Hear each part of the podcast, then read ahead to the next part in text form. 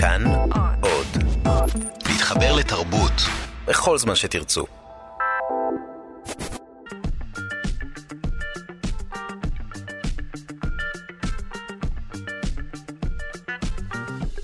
שלושה שיודעים. שלום לכם, עישון יומיומי של קנאביס מגדיל בצורה משמעותית את הסיכוי להתפתחות פסיכוזה. כך עולה ממחקר חדש.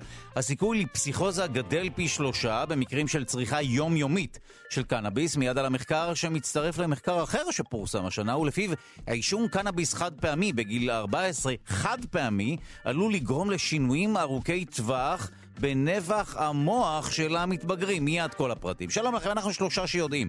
בכאן תרבות. אני דודו ארז, היום שלל הענייני מדע וידע, וגם היום 26 במרס הוא היום שבו נשיא רוסיה פוטין נבחר לראשונה לכהן כנשיא, זה היה בשנת 2000, הוא כיהן כשתי קדנציות, למעשה זה היה שתי קדנציות מלאות, אחר כך הוא הפך להיות ראש ממשלת רוסיה, ובמרץ 2012 הוא שוב נבחר להיות נשיא, למעשה עד היום אנחנו ננסה לטעות על קנקנו, אה, או לפענח את סוד הפופולריות. הפופולריות של נשיא רוסיה, שאגב הונו מוערך בכ-200 מיליארד דולר. איתי באולפן אה, מי שהיה שגריר ישראל ברוסיה, צבי מגן, שהוא מומחה לרוסיה, חוקר בכיר ב-INSS, אה, המכון למחקרי ביטחון לאומי. שלום לך. שלום וברכה. 200 מיליארד דולר? נדמה לי שמוגזם אפילו לפוטין, אני יודע על 40 מיליארד. בואו נחתוך באמצע. אה, כמה זה באמצע? כן. הרבה כסף. אבל זה הכל השערות, לא כדאי להתעסק עם זה. טוב, אנחנו... מהרבה בחינות. טוב, אנחנו מיד אה, נבין אבל מה סוד כוחו של האיש ומה מה, הוא פופולרי בטירוף, אנשים אוהבים אותו, נכון? אם אנחנו מתחילים מהסוף, אז... אה, בוא נתחיל מהסוף לרגע ואז נתחיל מההתחלה. אז עכשיו אוהבים אותו פחות. עכשיו אוהבים אותו, או, כן. מעניין, סקרנת. טוב, אז אנחנו מיד נבין מה הדרך, מה התהליך. ש... שהיה סביבו, ונעסוק בעוד עניינים. שימו לב, אימונותרפיה, טיפול במחלה, במחלה על ידי הגברה או דיכוי של המערכת החיסונית, הוא אחד מהטיפולים החשובים והמשמעותיים במסגרת, בין היתר, המלחמה בסרטן. אימונותרפיה, ודאי שמעתם את המושג הזה. אבל חולים רבים לא מגיבים לטיפול הזה מסיבות שאינן ידועות לנו. חוקרים במכון לביולוגיה של אוניברסיטת יייל עשו צעד נוסף לקראת הבנת הסיבה לכך והצליחו לפענח את ההרכב הגנטי של תאים סרטניים אה, ואיך ההרכב הזה משפיע על היווצרות הסרטן, על היווצרות דלקת, שזה גם כן משהו שקשור לסרטן, ועל מערכת החיסון. מיד נבין אה, מה זה אומר. וגם, מחקר חדש מציע שהמעבר לחקלאות ולמזון רך יותר שינה את צורת הלסת שלנו והכניס לשפה שלנו את הפיי ואת הווט. מיד נבין איך כל הדבר הזה קשור ללסת שלנו, או לעובדה שהחלק העליון, השיניים העליונות, בולטות יותר מהשיניים התחתונות, וגם תינוקות מבחינים בין קרובים לזרים בעזרת הצחוק שלהם. זאת אומרת באמצעות זיהוי של הצחוק שלהם. כך עולה ממחקר חדש. ואקזיט ישראלי מרשים, רשת ההמבורגרים מקדונלדס רוכשת את הסטארט-אפ הישראלי Dynamic Yield ב-300 מיליון דולר. הסטארט-אפ הישראלי עוסק בהתאמה אישית של תוכן בעת גלישה. החברה עצמה, חברת ההזנק הוקמה ב-2012 על ידי ליעד אגמון ועמרי מנדלביץ', והטכנולוגיה של החברה הישראלית תשולב בעדכון התפריטים בשירות האיסוף של הרשת ב-37 אלף הסניפים של הרשת. העורכת והמפיקה שלנו היא אלכסנדרה לויקר, לביצוע הטכני די.ג'י אלון מקלר. תודה רבה ליגאל שפירא שמלווה אותנו, אתם מוזמנים להאזין לנו גם באמצעות היישומון החינמי כאן אודי. שלל ענייני מדע וידע, ובעיקר המחקר שקשור לאימונותרפיה וגם קנאביס, אבל קודם כל זה.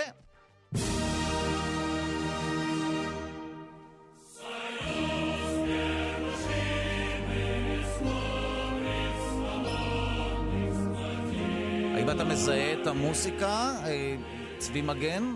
אתה, אתה שומע באוזניות? אה, הוא לא שומע באוזניות. אז אנחנו מיד נסדר לך את האוזניות ונתחיל לדבר. אנחנו שומעים את ההמנון של אה, רוסיה. אני משער שהיית מזהה את ההמנון של... אה, יש להניח. אוקיי, אז בוא נתחיל מ... טוב, אתה מכיר את הנושא מכמה כיוונים, ואף היית שגריר ישראל ברוסיה. בוא נתחיל מההתחלה. מהיכן הגיע פוטין והפך להיות ודאי אחד האנשים החזקים בעולם? מה, מאיפה... איך, אה, מאיפה הוא בא, האיש הזה?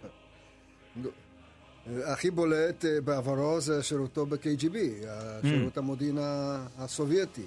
ששם היה קצין, אה, והשתחרר משם בדרגת סגן אלוף, שירת קצת בגרמניה, כך שבסופו של דבר האיש הוא בעל רקע כן, אה, רלוונטי. הנה עכשיו האוזניות פועלות. זאת אומרת, הוא לא בא out of nowhere. הוא התחיל כקצין. בהחלט out of nowhere, משום ש... מה זה קצין זוטר בסופו של דבר? מה, זה לא משהו? אה, אוקיי. גם אני הייתי באותה דקה. ואתה לא, אין לך 200 מיליארד. אין לי 200 מיליארד, גם 40 לא. גם 40 לא? אז מה אתה עושה? Okay. לפה לא נכנסים אנשים עם פחות מ-40 מיליארד. אוקיי. Okay. פוטין התחיל את הקריירה שלו אה, מלכתחילה כקצין, אה, שאף לזה כל נעוריו להיות אה, איש מודיעין, איש, אה, מה שנקרא, שירות אה, אה, חשאי בחו"ל. בסופו של דבר הגיע לזה. אז רקע ביטחוני נשמע כן אז... משמעותי, לא? כן, אבל זה לא בשביל להגיע ל... לא למעמד הזה, אתה אומר, לא זה לא תעודת ביטוח. גם לא לחצי הדרך. בסופו של דבר, כשהתפרקה ברית המועצות, הפירוק ב-1991, מצא אותו בשירותו בגרמניה המזרחית, בדרזדן. ישב בדרזדן והיה בתחנה של KGB במקום, שניהלה כל מיני עניינים משלה באזור, וככזה הוחזר אה, חזרה. ברית המועצות, עדיין ברית המועצות. אז עוררת עוד יותר סקרנות, אז איך באמת אדם כזה, הנה. יחסית אה, שולי אתה אומר? ו... בהחלט שולי. הגיע לעיר מולדתו, שם גם שירת כמה שנים טובות בתור אה, קצין KGB, זאת אומרת אה, KGB, איך שמבטאים, והפעם אה, הצליח להתחבר לג'וב בגיבוי של KGB, כפורש, כן. לעיריית אה, לנינגרד דאז, היום זה סן פטרבורג. בעירייה הזאת הוא בסופו של דבר הצליח להגיע לסטטוס של הכי מקורב לראש העיר סובצ'אק, וככזה הוא בסופו של דבר הצליח להתחיל לבנות את הונו.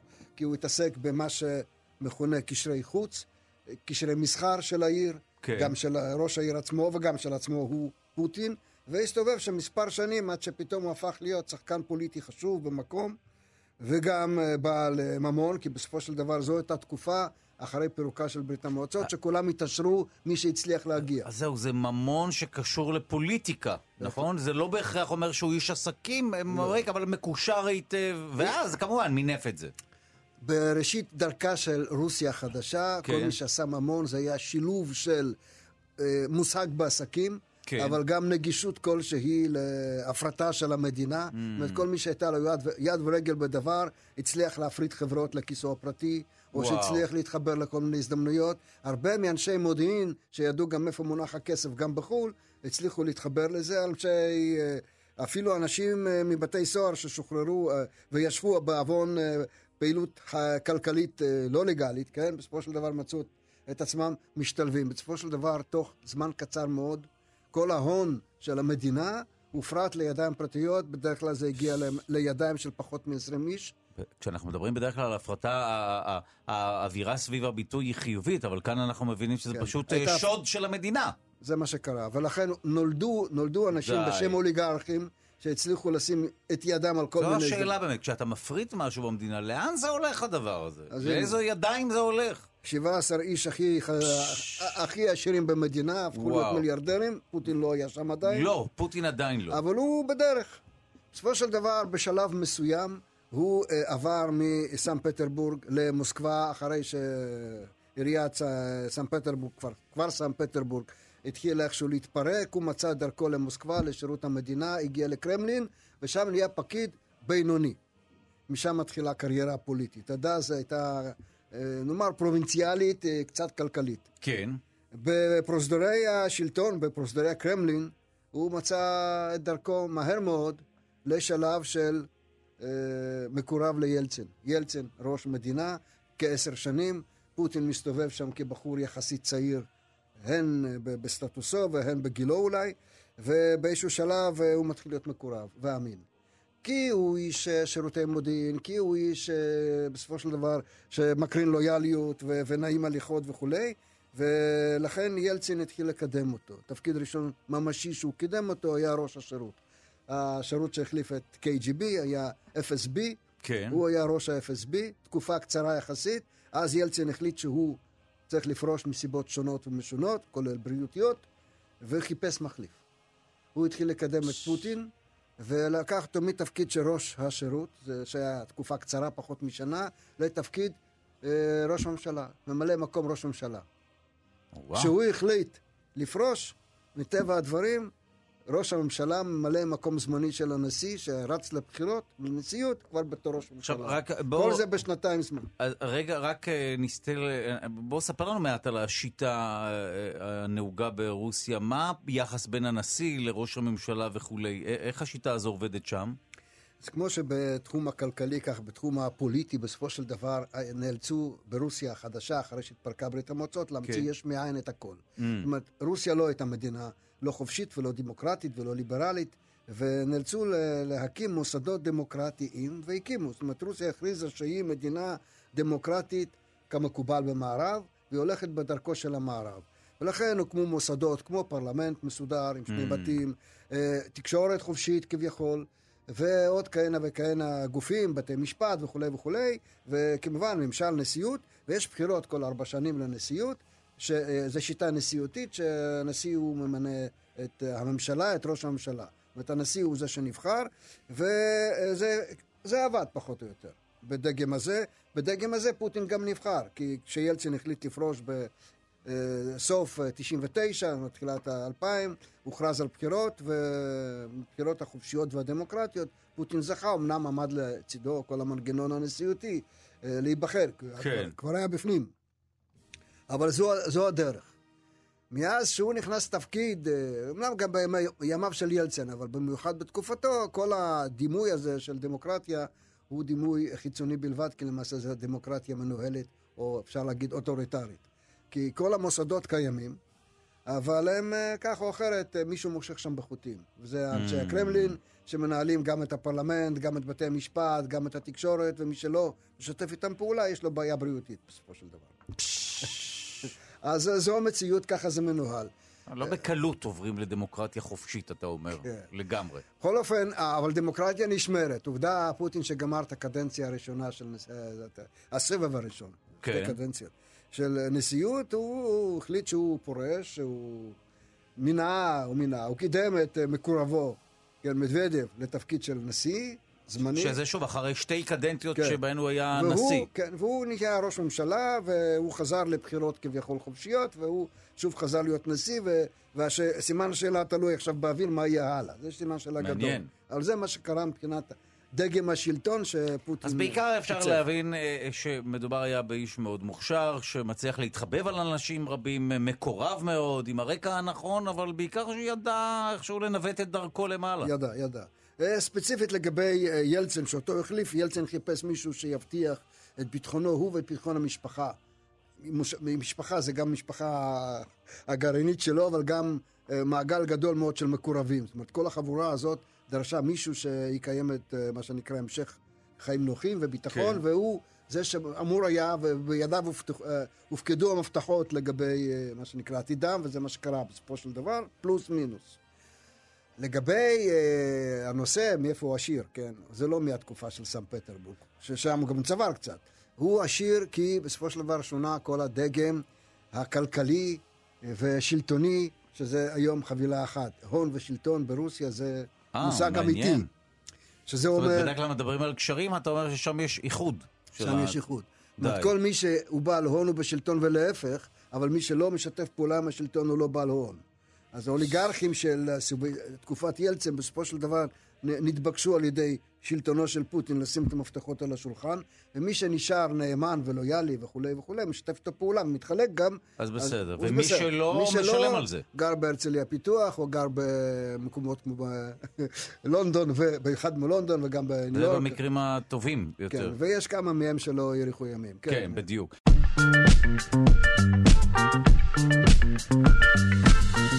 שלום לכם, שלושה שיודעים בכאן תרבות. עישון יומיומי של קנאביס מגדיל בצורה משמעותית את הסיכוי להתפתחות פסיכוזה.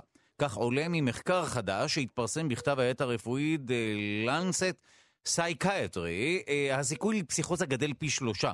במקרים של צריכה יומיומית של קנאביס, כתבה על המחקר פורסמה בעיתון הארץ, מחקר שאגב מצטרף למחקר נוסף שפורסם בתחילת השנה ולפיו עישון קנאביס חד פעמי בגיל 14 עלול לגרום לשינויים ארוכי טווח בנפח המוח של המתבגרים. אגב, המחקר הזה התפרסם בכתב העת המדעי Journal of Neuroscience, ואנחנו רוצים לומר שלום לפרופסור שאולי לברן, יושב ראש החברה הישראלית לרפואת התמכרויות. שלום לך. שלום, בוקר טוב. טוב, אנחנו, בוא, בוא נתייחס בבקשה למחקר החדש, שלפיו אה, קנאביס, צריכה יומיומית של קנאביס, זה משהו שעשוי להגדיל את הסיכוי לפסיכוזה. אגב, כשאנחנו מדברים על פסיכוזה, אה, על מה בדיוק מדובר? פסיכוזה זה מצב שבו יש בדרך כלל הפרעה בבוחן המציאות או בשיפוט. בוחן מציאות זה אומר שיש לפעמים הזיות, מצב שאדם עלול לשמוע קולות או לראות מראות שאין להם בסיס במציאות, או משהו שאנחנו קוראים לו בבריאות הנפש מחשבות שווא, שאלה מחשבות לא הגיוניות שלא תואמות את המציאות, לדוגמה פרנויות קשות. אז זה הכוונה בפסיכוזה, mm. שיש מצבים שהפסיכוזה חולפת מעצמה, ויש מצבים שהיא מתפתחת להפרעה כרונית, ואולי הנפוצה ביותר בבריאות הנפש היא סכיזופרניה, הפרעה פסיכוטית ממושכת. עכשיו, איך באמת צריכה יומיומית של קנאביס אה, מגדילה את הסיכוי? זאת אומרת, נמצא קשר סיבתי של ממש, או שמדובר בקשר סטטיסטי? אז יפה, אתה עולה אה, במדויק על הנקודה. קשר סיבתי דורש הרבה מאוד קריטריונים. כלומר, כדי להגדיר בצורה מדויקת שא' גורם לב', דרושים מחקרים רבים שעוקבים בצורה מאוד מאוד מאוד עקבית וסיסטמטית ומדויקת אחרי אנשים לאורך שנים. זה לא המצב במחקר הנוכחי. במחקר הנוכחי באמת נמצא מתאם, אסוציאציה, או כמו שאתה אומר, קשר סטטיסטי, בין אנשים שצרכו בעבר קנאביס באופן יומיומי, לבין התפתחות בהמשך של הפרעה פסיכוטית. עכשיו צריך להגיד, זה נכון שהסיכון גדל, אבל הסיכון הראשוני למצב פסיכוטי הוא סיכון נמוך. במילים אחרות, חשוב להדגיש שחלק הארי של האנשים שצורכים קנאביס לא יפתחו מצב פסיכוטי. ואנחנו צריכים להדגיש מי בעצם קבוצות הסיכון. אתה הזכרת לפני זה ילדים, בני נוער בגיל 14. בני נוער זו קבוצת סיכון מאוד מאוד משמעותית, שלגביהם צריכים לעשות הרבה פעילויות של הסברה ומניעה. אנשים שיש להם קרוב משפחה דרגה ראשונה במשפחה שסובל מהפרעה פסיכיאטרית קשה, או שלהם בעצמם היה בעבר מצב פסיכוטי, הם אנשים שנמצאים בקבוצת סיכון. אז חשוב מאוד להגדיר שחלק הארי של האנשים שצורכים קנאביס לא יפתחו מצב פסיכוטי, אבל ישנם קבוצת סיכון, קבוצות סיכון, ושוב, הבולטות ביניהם זה אנשים עם נטייה להפרעות פסיכיאטריות ובני נוער, שעליהם חשוב מאוד לשים את הדגש. אז, אז בואו ננסה להבין, כי אני מבין שגם השיח הציבורי סביב...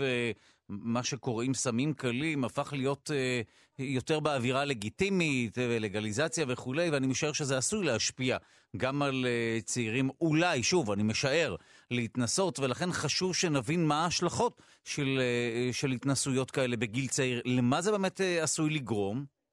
אז אנחנו שוב מדגישים בחוכמה רבה להערכתי את הגיל הצעיר. אנחנו צריכים להבין שהמוח מתפתח במשך שנים רבות. אם בעבר חשבנו שהמוח מתפתח עד גיל 18, אנחנו מבינים היום שהוא ממשיך עד גיל 21, 25, ובמובנים מסוימים התפתחויות מסוימות לא מפסיקות אף פעם. אבל ישנן נקודות רגישות במיוחד, שזה באמת הילדות, גיל הנעורים, לכל הפחות 20 השנים הראשונות של החיים. ככל שגיל תחילת השימוש בקנאביס מוקדם יותר, הסיכון לפתח הפרעות פסיכיאטריות, הסיכון לפתח התמכרות, הסיכון לפתח פגיעות תפקודיות, בין אם זה בלימודים, בין אם זה ביצירת קשרים בין אישיים, בין אם זה בעיות בהמשך לגבי עבודה, תעסוקה, בישראל שירות צבאי וכך הלאה, הולכות ועולות. ובגלל שהמוח מתפתח לאורך השנים האלה, כשהפגיעה היא מוקדמת יותר, הנזק הוא קשה יותר. ולכן אחד המסרים המרכזיים בעידן, אה, כמו שאתה הזכרת, לא רק בעידן הבחירות, אלא בכלל, של שימוש נרחב, זה שכדאי לדחות את השימוש כמה שיותר. אנשים שבוחרים, אנחנו לא נאיבים, אנחנו מבינים שיש רבבות אנשים שבוחרים לצרוך קנאביס, א', חשוב שהם יהיו מודעים לסיכונים האפשריים, אם הם נמצאים במיוחד בקבוצות הסיכון, ושתיים, בוודאי צריכה יומיומית, אה, סליחה שקטעתי אותך, אבל ודאי צריכה יומיומית שהיא ככל הנראה אה, אה, הרבה יותר גרועה, כמובן. נכון, והדבר השני שעולה מתוך המחקר זה צריכה יומיומית של קנאביס שהוא קנאביס פוטנטי או קנאביס חזק, שריכוז החומר הפסיכואקטיבי, הפעיל העיקרי, מה שנקרא THC, הוא גבוה. וזה לא מפתיע, כשחושבים על זה, אדם שצורך אה, כמה פעמים בשבוע בירה, דינו לא משול בהכרח לאדם שצורך כמות גדולה מאוד של וודקה כל יום. כלומר, בהרבה דברים אנחנו מבינים שתדירות ועוצמה וחוזקה הם פקטורים קריטיים. פש, טוב, אז מה אפשר לעשות אה, מלבד אה, חינוך והימנעות במקרים האלה? אז קודם כל חינוך והימנעות אלה דברים מאוד מאוד מאוד חשובים, והסברה זה דבר חשוב. אנחנו יודעים ש... אה, מסעות כמו שננסי רייגן בשנות ה-80 יזמה, רק תגידו לא לסמים, הם לא בהכרח מאוד אפקטיביים. יושב בן הנוער ורואה את אחיו שהשתחרר לאחרונה מהצבא מעשן, והוא אומר, אם לא קורה לו כלום, אולי גם לי לא יקרה כן, כלום. כן, זה גם אז... חלק מאיזשהו, אה, לא יודע, אנשים כנראה רוצים להיראות מגניבים בעיני עצמם, אין לי מושג מה, מה, מה מאיץ את החיבור לדבר הזה, אבל אה, ככל הנראה באמת הרבה בני נוער מתנסים בעניין. ולכן אגב אנחנו צריכים א', לשים דגש על הסברה אינטליגנטית לבני נוער, ודאי בעידן שבו האינטרנט זמין. כן. כלומר, רק להגיד לבן נוער היום, אם תיגע בזה זה יהרוס את חייך, הצרה בהסברה מהסוג הזה, זה שיש סיכוי שבן הנוער יסתכל עליך בעיניים מפלבלות, יגיד עוד מבוגר שלא מבין כלום, וימשיך לדרכו. המטרה צריכה להיות הסברה שמבינה שחלק מבני הנוער עשויים להתנסות, לדבר איתם על הסיכונים הספציפיים, לדבר איתם על דחייה של גיל תחילת השימוש, לדבר איתם על סביבה בטוחה. חשוב מאוד אגב בבני נוער מבוגרים יותר לדבר על נהיגה, נושא שאנחנו לא מדברים עליו מספיק. נכון. אנחנו חושבים על הפרעות פסיכיאטריות ואנחנו חושבים על התמכרויות, אבל אה, אחת הבעיות הגדולות היום זה נהיגה תחת השפעת קנאביס, ש... בייחוד איך... בגלל שאין לנו דרכים לבדוק את זה בצורה אה, לא, מספיק זה, טובה. זה מאוד מסקרן, איך זה משפיע על הנהיגה, על האינסטינקטים שלנו, על העיבוד אה, של המידע במוח? אז קודם כל יש כבר כמה מחקרים, מחקרים יפים, חלק יצאו מטורונטו, מקנדה, שמושיבים אנשים בסימולטורים של נהיגה. מעניין. ובודקים דברים כמו כמה סוטים בין המסלולים, כמה סוטים על פסים לבנים, אה, מהירות התגובה, זמן בלימה וכך הלאה. זה נכון שישנם אנשים שהם צרכנים קבועים שיעידו שבגלל שהם כל הזמן תחת השפעת קנאביס, אם הם לא צורכים קנאביס יותר קשה להם לנהוג. אבל כל המחקרים מראים אחרת. כל המחקרים מראים שכשאדם נתון תחת השפעת קנאביס, הסיכון שלו להיות מעורב בתאונת דרכים, ומה שמטריד אותי יותר זה הסיכון שלו להיות מעורב בתאונת דרכים קטלנית, הולך ועולה משמעותית. וואו. וכפי שאמרתי, בניגוד לינשופים, שאפשר בצד הדרך לבדוק, בגלל כל מיני סיבות ביולוגיות, אין לנו ערכות טובות לבדוק את אותו דבר לגבי נהיגה. וזה אגב בשיח על לגליזציה, סוג הדברים שלא עולים מספיק. אנחנו בשיח קצת פשטני על לגליזציה, האם זה טוב או האם זה רע, כשבעצם מה שאנחנו צריכים, אני חושב כחברה אחראית, זה לדון במה סוגיות הליבה. מה עושים עם בני נוער? איך מונעים את השימוש בקרב בני נוער, במיוחד שימוש קבוע? מה עושים עם תאונות דרכים? מה עושים עם התמכרויות והפרעות פסיכיאטריות? ולהעלות קצת את ה... הרמה ואת המורכבות של הדיון מזה הדבר הכי נהדר שהאנושות מצאה, לעומת אה, זה אה, אסון. לגמרי, ושוב, אה, אני משער שיש אנשים שצורכים את זה כדי להילחם בכאבים וכולי, באישור היום, נכון? כפי שאנחנו יודעים, וזה לא דומה למצב שבו בן נוער מתנשא ואולי גם פוגע בעצמו. אז א', יש באמת כבר לא מעט מדינות בעולם, וישראל ביניהם שאישרו קנאביס רפואי, שמנסים כל הזמן לחדד את ה... ההתוויות הספציפיות, למרות שצריך להגיד חלק גדול מזה לא בהכרח מבוסס על מחקר, אלא על דיווחים של אנשים שסובלים מבעיות שונות שמדווחים על זה שמוקל להם כשהם צורכים קנאביס, וכולנו מבינים שמצבים כרוניים קשים מאוד, כמו כאב כרוני, חלילה מצבים סרטניים, כל דבר שיכול לספק מזור נכון, הוא דבר טוב ודאי. וראוי. והדבר השני שחשוב לנו גם בקרב בני נוער, עם כל הרצון למנוע חשוב לנו גם להבחין בין התנסויות ספרדיות שעשויות לקרות, לבין החשש הגדול עוד יותר, והוא שזה יהפוך להרגל בקרב אותם בני נוער. ולכן חשובה הפתיחות סביב זה, כי כולנו יודעים שאיפה שיש הסתרה, יש צרות. אז אנחנו צריכים להזמין לדיון פורה ופתוח, במקום לדחוק את זה לשוליים.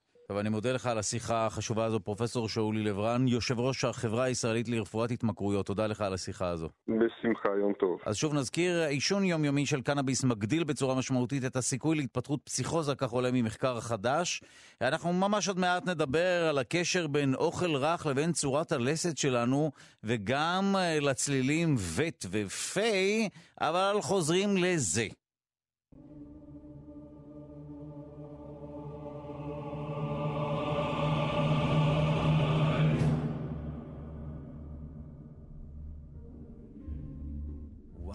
זו גרסה מאוד איטית, התחילו את הקלינקה מאוד לאט פה.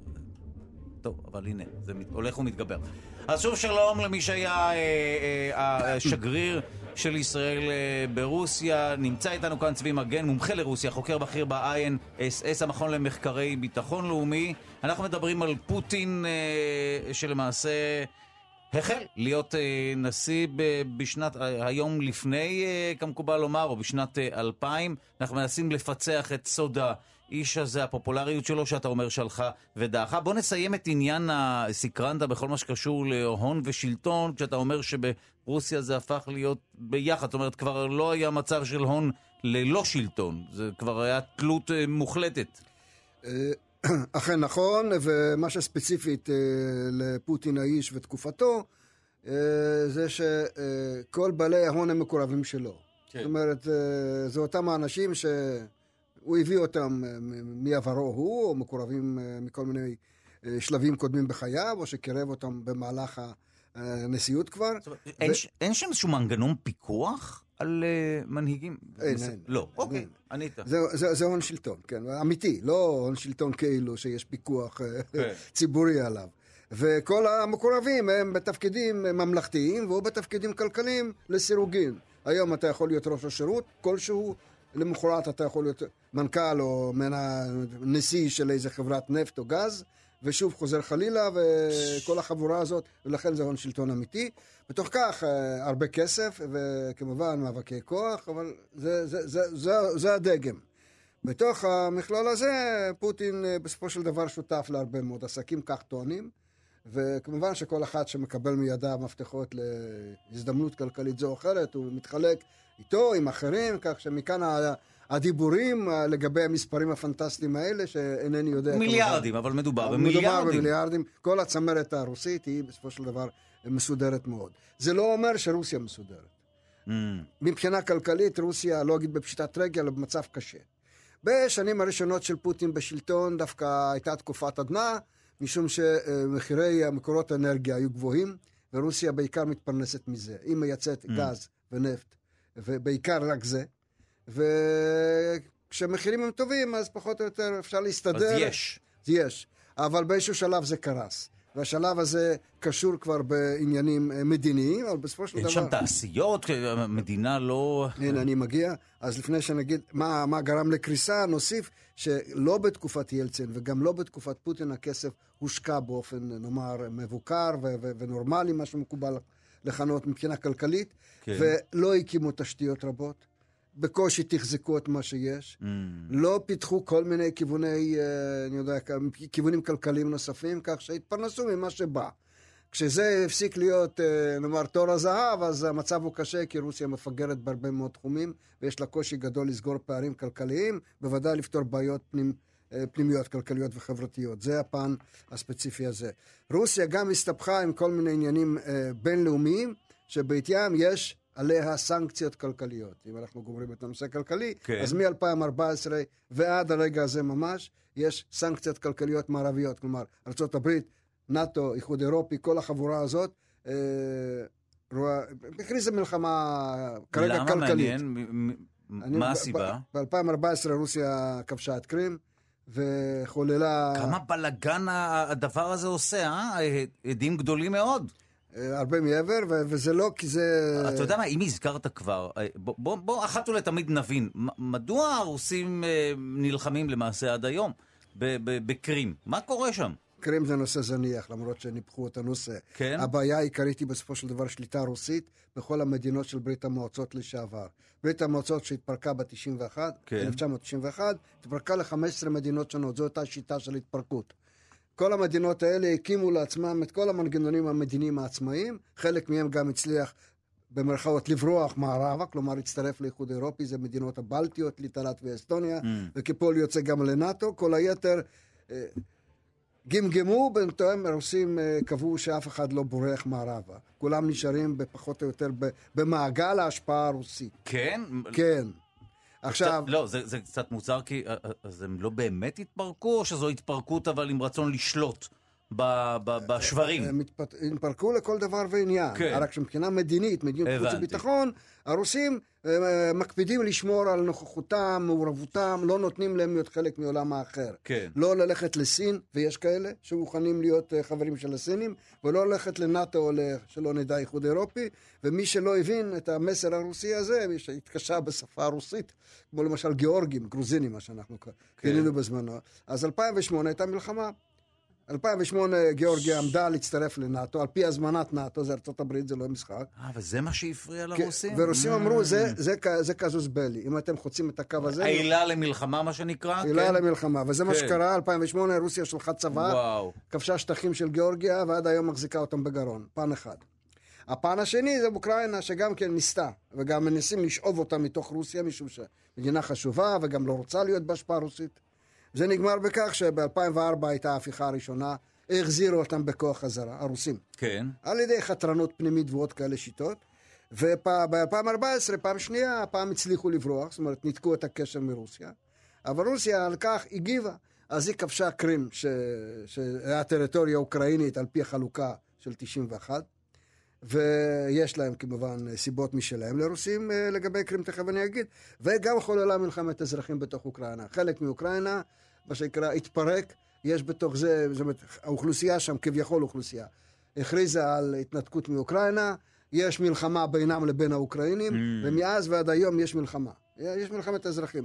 בכל המכלול הזה, לא בקרים ולא במלחמת אה, האזרחים האוקראינית, תמצא את הרוסים. זה היום בשיטות אחרות, שלא כמו בתקופה של גיאורגיה, ששלחו צבא ממשי עם סמלים ודגלים, פה אין צבא. קוראים לזה מלחמה היברידית. זאת אומרת, יש שיטות חתרניות ומעורבות סמויה, proxies, מה שנקרא. אתם מעורבים במאבק הזה. אבל אי אפשר להאשים אותם רשמית, כן. כיוון שהם לא שם. קרים הם לקחו גם כן, למעשה כמעט ללא שימוש בכוח, לא היה שם צבא רוסי. כמובן שהיום יש. קרים יש לה סיפור היסטורי, משום שרוסיה בזמנו, האימפריה הרוסית כבשה את זה בסוף מאה ה-18, וזה נחשב לבסיס הצי הרוסי, זה נחשב לאזור גבורה רוסי, ויש הרבה סיפורים, אה, כן. עוצרי נשימה שם סביב האזור הזה, ולכן היה חשוב גם לרוסים להחזיר את זה כאילו חזרה, והם עשו את זה בשיטה של, נשמע מוכר, אפרופו רמת הגולן, בשיטה, של סיפוח. הם השתלטו על השטח הזה, הודיעו שהוא טריטוריה רוסית, עשו כאילו משאל עם, כמעט, לא היה שם הרבה עם, היה שם בעיקר הרוסים באזור הזה, כי היה שם בסיסי צבא והצי הרוסי. Mm. ופרלמנט רוסי הצביע כמובן פה אחד אה, על סיפוח הטריטוריה הזאת לרוסיה, ומאז זה ברוסיה. על זה הגיבו במערב אה, בעצבנות מסוימת, כלומר הכריזו על סנקציות, ובסופו של דבר בידוד מדיני רוסי שנמשך מאז ועד היום. רוסיה מבודדת, לא מדברים איתה, ממש כך, ורוסיה יוצאת מהכלים כדי בסופו של דבר להסיר את הסנקציות, זה עולה הרבה כסף, נקרא לזה בצחוק, והיא מנסה להגיע לדיאלוג, לשיח. לא מדברים. בלי שיח אתה לא יכול למסחר, אתה לא יכול אה, לדבר על איזה שהם ויתורים, על החלפות, על משהו. לא מדברים. ואז לכן במציאות הזאת רוסיה מרגישה לא נוח, וזאת הסיבה למה היא בסוריה. תכף נגיע.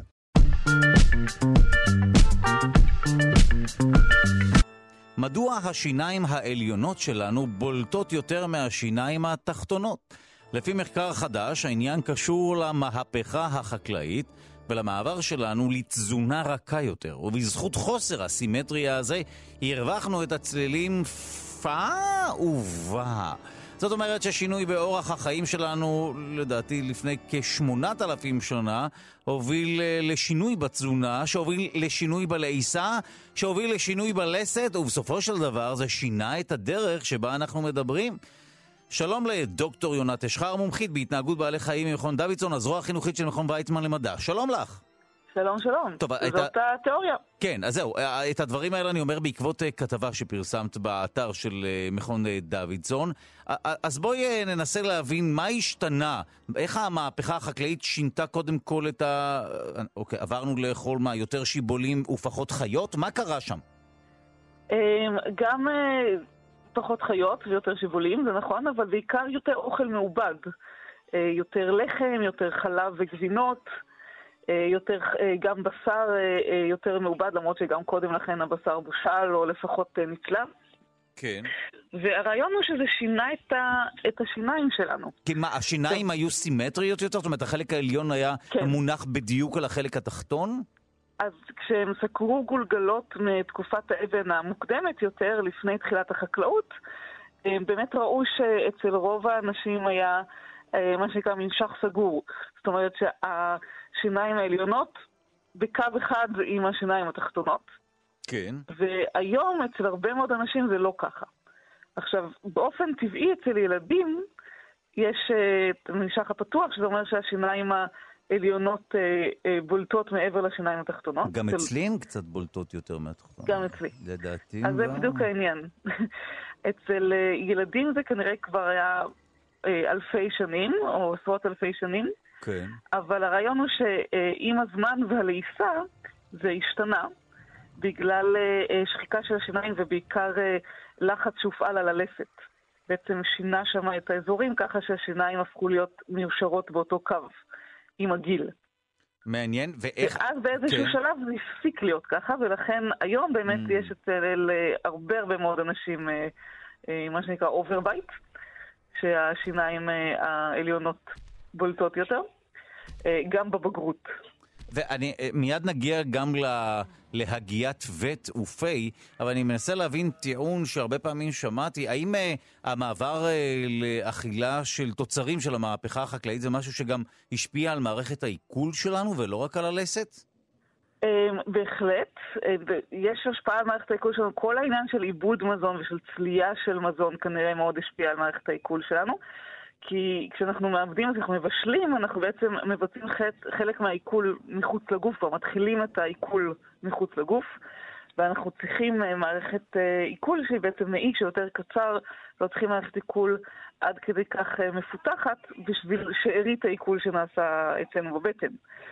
אבל גם המעבר החקלאות בהחלט שינה את ה... כל מיני גנים אצלנו, למשל בחברות שאכלו הרבה חלב, התפתחה עמידות ללקטוז. לחלבון של החלב, כן, אנחנו אומרת... יכולים לפרק אותו גם בגיל מבוגר, ואצל חברות שלא כל כך אכלו חלב, אז לא היה את זה בעצם, ואחרי גיל הילדות הם לא כל כך יכולים לפרק את, ה... את הלקטוז, ואז יש מה שנקרא רגישות לחלב. וואו. טוב, אז בואי נגיע גם לעוד עניין שעלה בכתבה, הוא מסקרן מאוד, בכל מה שקשור להגייה של צלילים. כן. אז... זאת אומרת שהאדם הקדמון זה... לא אמר פה ולא אמר ו. זאת הטענה, או לפחות אמר הרבה פחות. כן. ובאמת גם סקרו הרבה מאוד אה, מאגר מידע של אה, שפות, והראו שחברות שהן עדיין נמצאות במצב של אה, בעצם חיים כציידים לקטים, יש אצלם הרבה פחות את העיצורים האלה, וחברות חקלאיות, או היום תעשייתיות, יש אצלם הרבה יותר את העיצורים האלה. הם גם עשו הדמיות במחשב וראו שכשיש overbite יותר קל לבצע אותם. זה בגלל שאם תעשה ו' ופ' ותשים לב איפה השפה שלך נמצאת, שפתיים והשיניים, אתה תגלה שבעצם השפה התחתונה נוגעת בשיניים העליונות. כשאתה אומר ו' ופ'. ו', נכון, נכון. פ', ו'. והטענה היא שזה פשוט קל יותר לעשות את זה כשיש overbite. די, נכון. ולכן לאנשים שיש להם overbite היה להם קל יותר לעשות את זה, וגם אה, יותר, ביותר מקרים הם אמרו את זה בטעות כשהם התכוונו להגיד נגיד פא, הם אמרו בטעות פא. או התכוונו להגיד בטעות משהו אחר, ויצא להם ו' ופא, וככה היצורים האלה נכנסו, ל, אה, נכנסו לדיבור, והם הראו את זה גם בשפות שקיימות כיום, וגם אה, כשחוקרים התפתחות של שפה, והם הסתכלו על משפחת השפות האינדו-אירופיות, אה, שכל השפות האירופיות של היום אה, שייכות אליה, וגם פרסית ושפות אחרות. אה, זאת שפה הכי נחקרת, ובאמת ראו שיש מעבר, למשל, מפאטר, שזה אבא בשפות קדומות יותר לפאזר היום. אה, וואו, יפה. הכל לפי הלסת. מתאימים את השפה ללסת, מעניין. זה הרעיון. טוב, מעולה. תודה רבה לך, דוקטור יונת אשחר, מומחית בהתנהגות בעלי חיים ממכון דוידסון. תודה רבה. תודה רבה. וננצל את הדקות האחרונות אה, של השעה הזו, מיד נחזור אליך, המומחה שלנו לרוסיה, צבי מגן, חוקר בכיר ב-INSS, אה, מכון למחקרי ביטחון לאומי, לשעבר שגריר ישראל ברוסיה.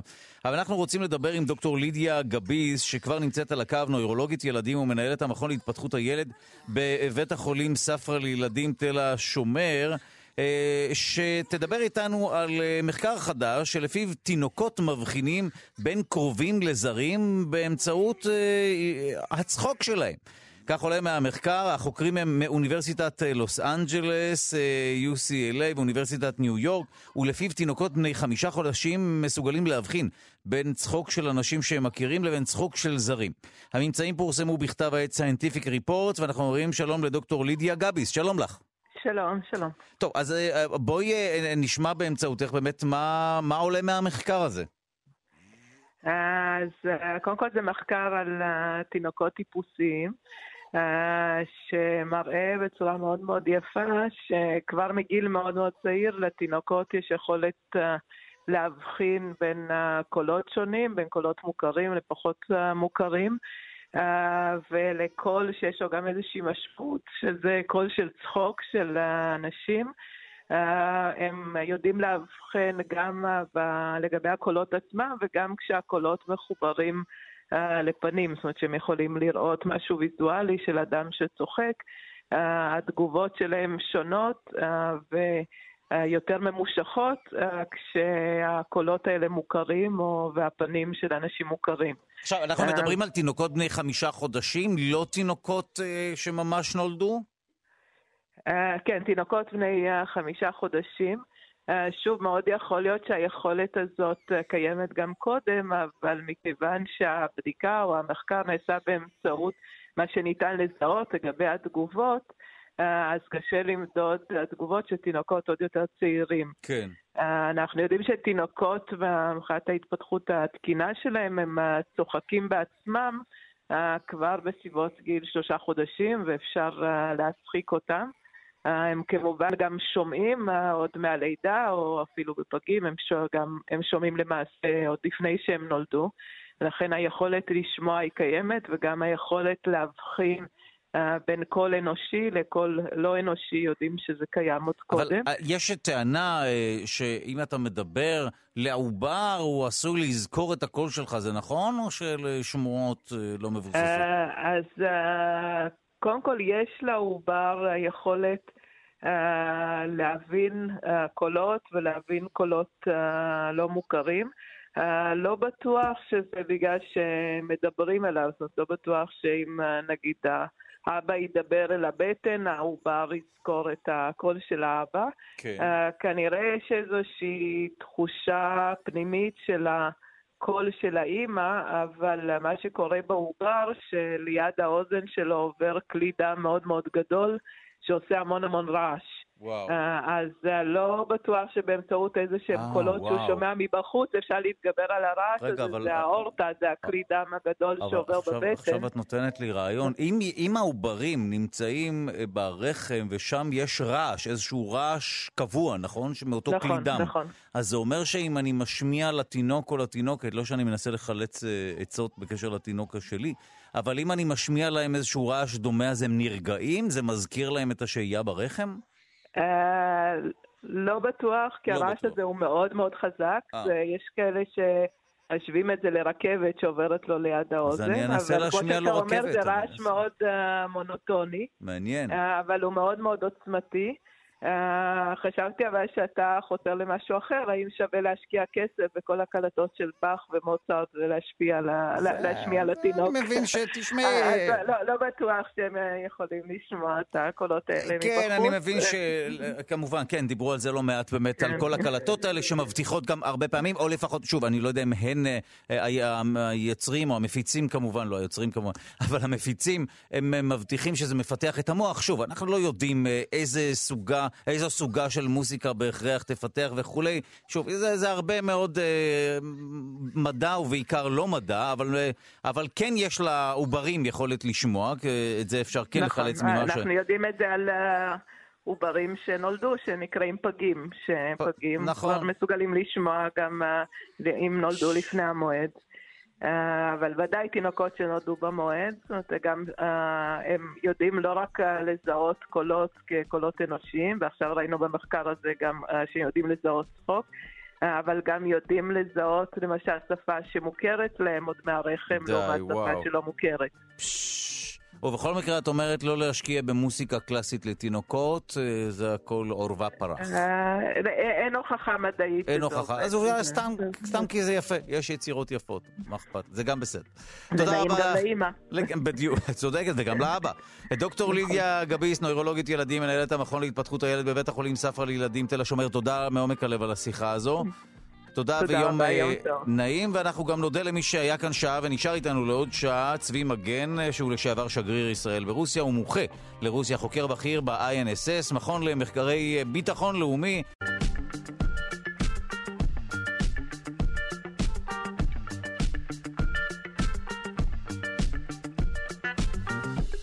שלושה שיודעים. שלום לכם, אימונותרפיה, טיפול במחלה על ידי הגברה או דיכוי של המערכת החיסונית הוא אחד מהטיפולים החשובים והמשמעותיים במסגרת המלחמה בסרטן, אבל לא רק. אה, במסגרת המלחמה הזו. חולים רבים לא מגיבים לטיפול הזה מסיבות שאינן ידועות. חוקרים במכון לביולוגיה של אוניברסיטת יייל עשו צעד נוסף לקראת הבנת הסיבה לכך. מדוע לא כל החולים מגיבים לטיפול אימונותרפי, והם הצליחו לפענח איך ההרכב הגנטי של תאים סרטניים משפיע על היווצרות הסרטן, על היווצרות דלקת, שגם היא קשורה לסרטן, ועל מערכת החיסון. אה, אנחנו מיד אה, נרחיב על המחקר החדש הזה. שלום לכם, אנחנו שעה שנייה של שלושה שיודעים, אה, כאן בכאן תרבות. אני דודו ארז, והיום לא רק ענייני מדע וידע, או במסגרת העניינים, היום 26 במרס, אבל בשנת 2000, נשיא רוסיה פוטין נבחר לראשונה לכהן כנשיא. מיד אחר כך הפך להיות אה, אה, ראש ממשלה, זה היה אחרי שתי קדנציות כנשיא, ובמרץ 2012 הוא שוב נבחר להיות אה, נשיא. אנחנו מנסים לפענח את סוד הפופולריות שמתברר הולכת ודועכת היום של אה, נשיא רוסיה, שהונו מוערך בכ... אני אמרתי 200 מיליארד דולר, אבל אה, שגריר ישראל ברוסיה לשעבר צבי מגן, שנמצא כאן איתי, מומחה לרוסיה, חוקר בכיר ב-INSS, המכון למחקרי ביטחון לאומי, אומר שאולי 40 מיליארד, אבל הרבה. תסכים איתי שהרבה מיליארד, נכון? הרבה מיליארד. ואנחנו נעסוק אה, בעוד עניינים. העורכת והמפיקה שלנו היא אלכסנדרה לויקר, על הביצוע הטכני די.ג'י אלון מקלר. תודה רבה ליגאל שפירא שמלווה אותנו. אתם מוזמנים להאזין לנו גם באמצעות היישומון החינמי כאן אודי. חוזרים לרוסיה.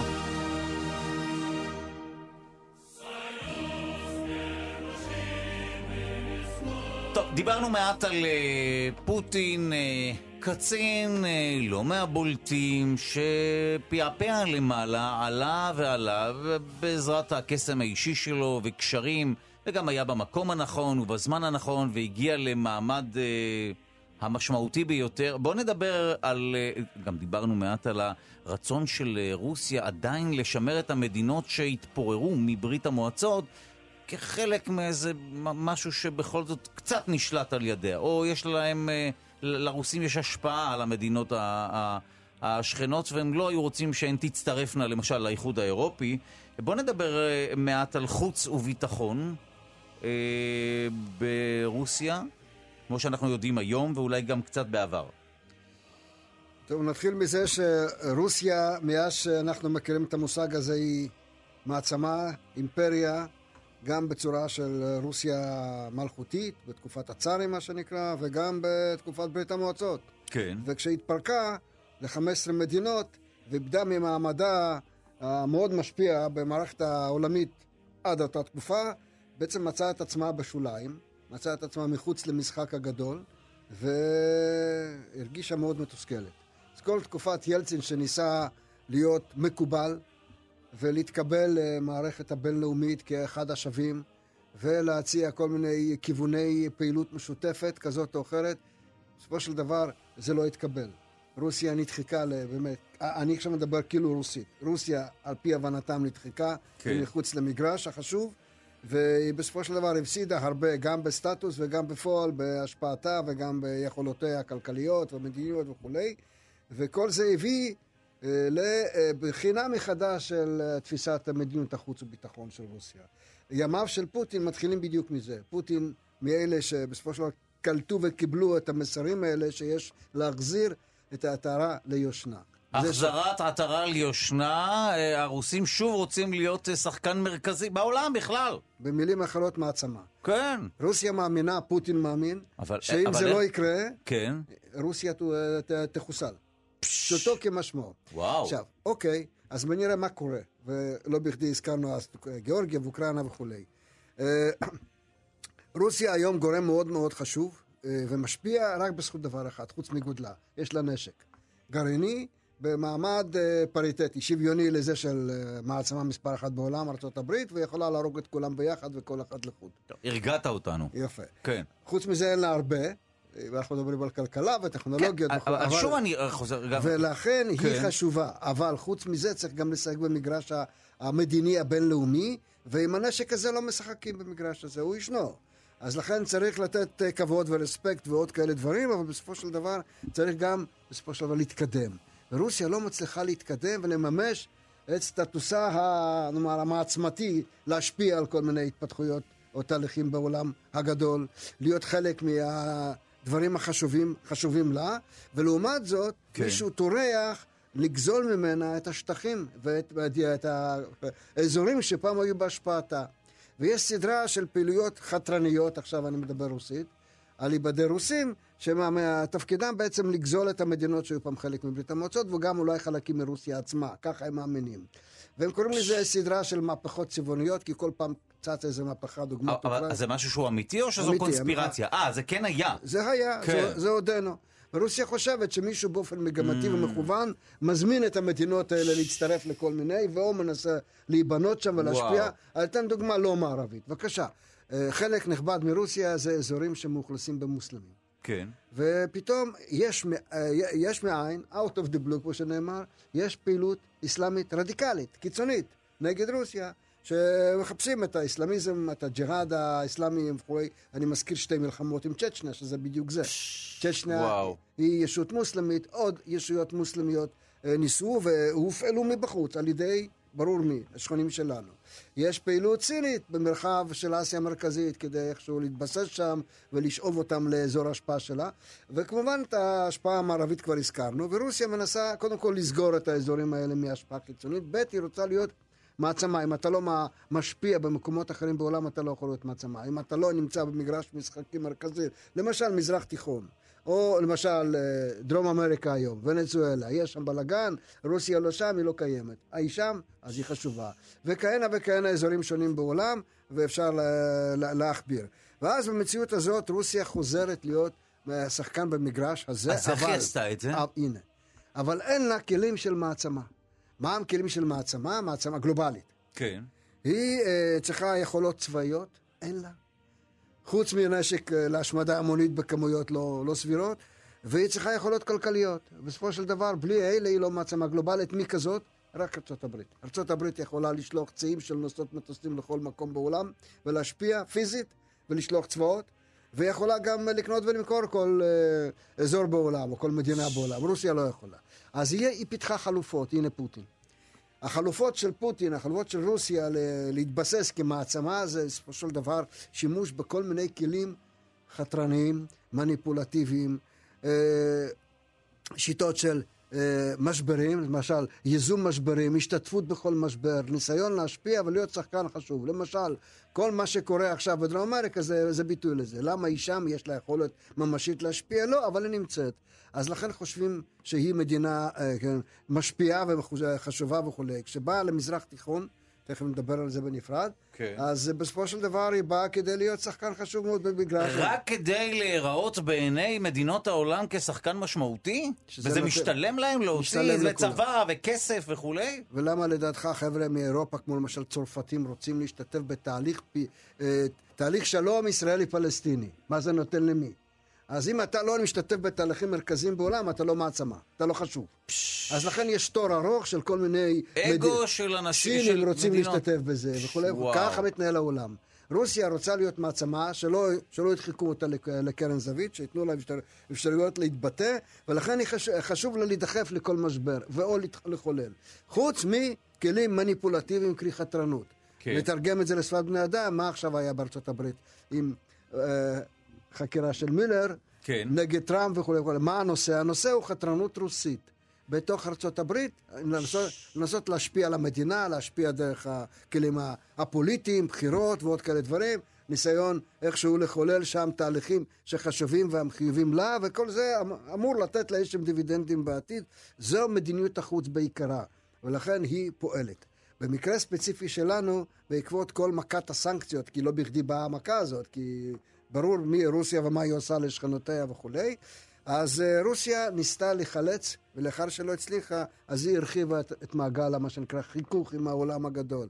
כן. אז היא, היא העבירה את מוקד הפעילות ממזרח אירופה, אוקראינה, למזרח תיכון. הזדמנות, סוריה. בסוריה יש מלחמת אזרחים, מכל יתר המדינות היא כבר יצאה בעקבות כל התהליכים הקודמים, כולל האביב הערבי, כולל מה שהיה קודם, ברית המועצות התפרקה, ואז רוסיה מוצאת את עצמה מחפשת אה, הזדמנויות, והנה באה ההזדמנות. האיראנים, החברים הטובים, הציעו לה בואו נצטרף למלחמת האזרחים בסוריה, בקואליציה משותפת, יש לכם הזדמנות פה להיכנס לאזור. למה לא? רוסיה קיבלה את זה, הרימה כפפה בספטמבר... וואו. ספטמבר 15 היא מתערבת במלחמת האזרחים בסוריה.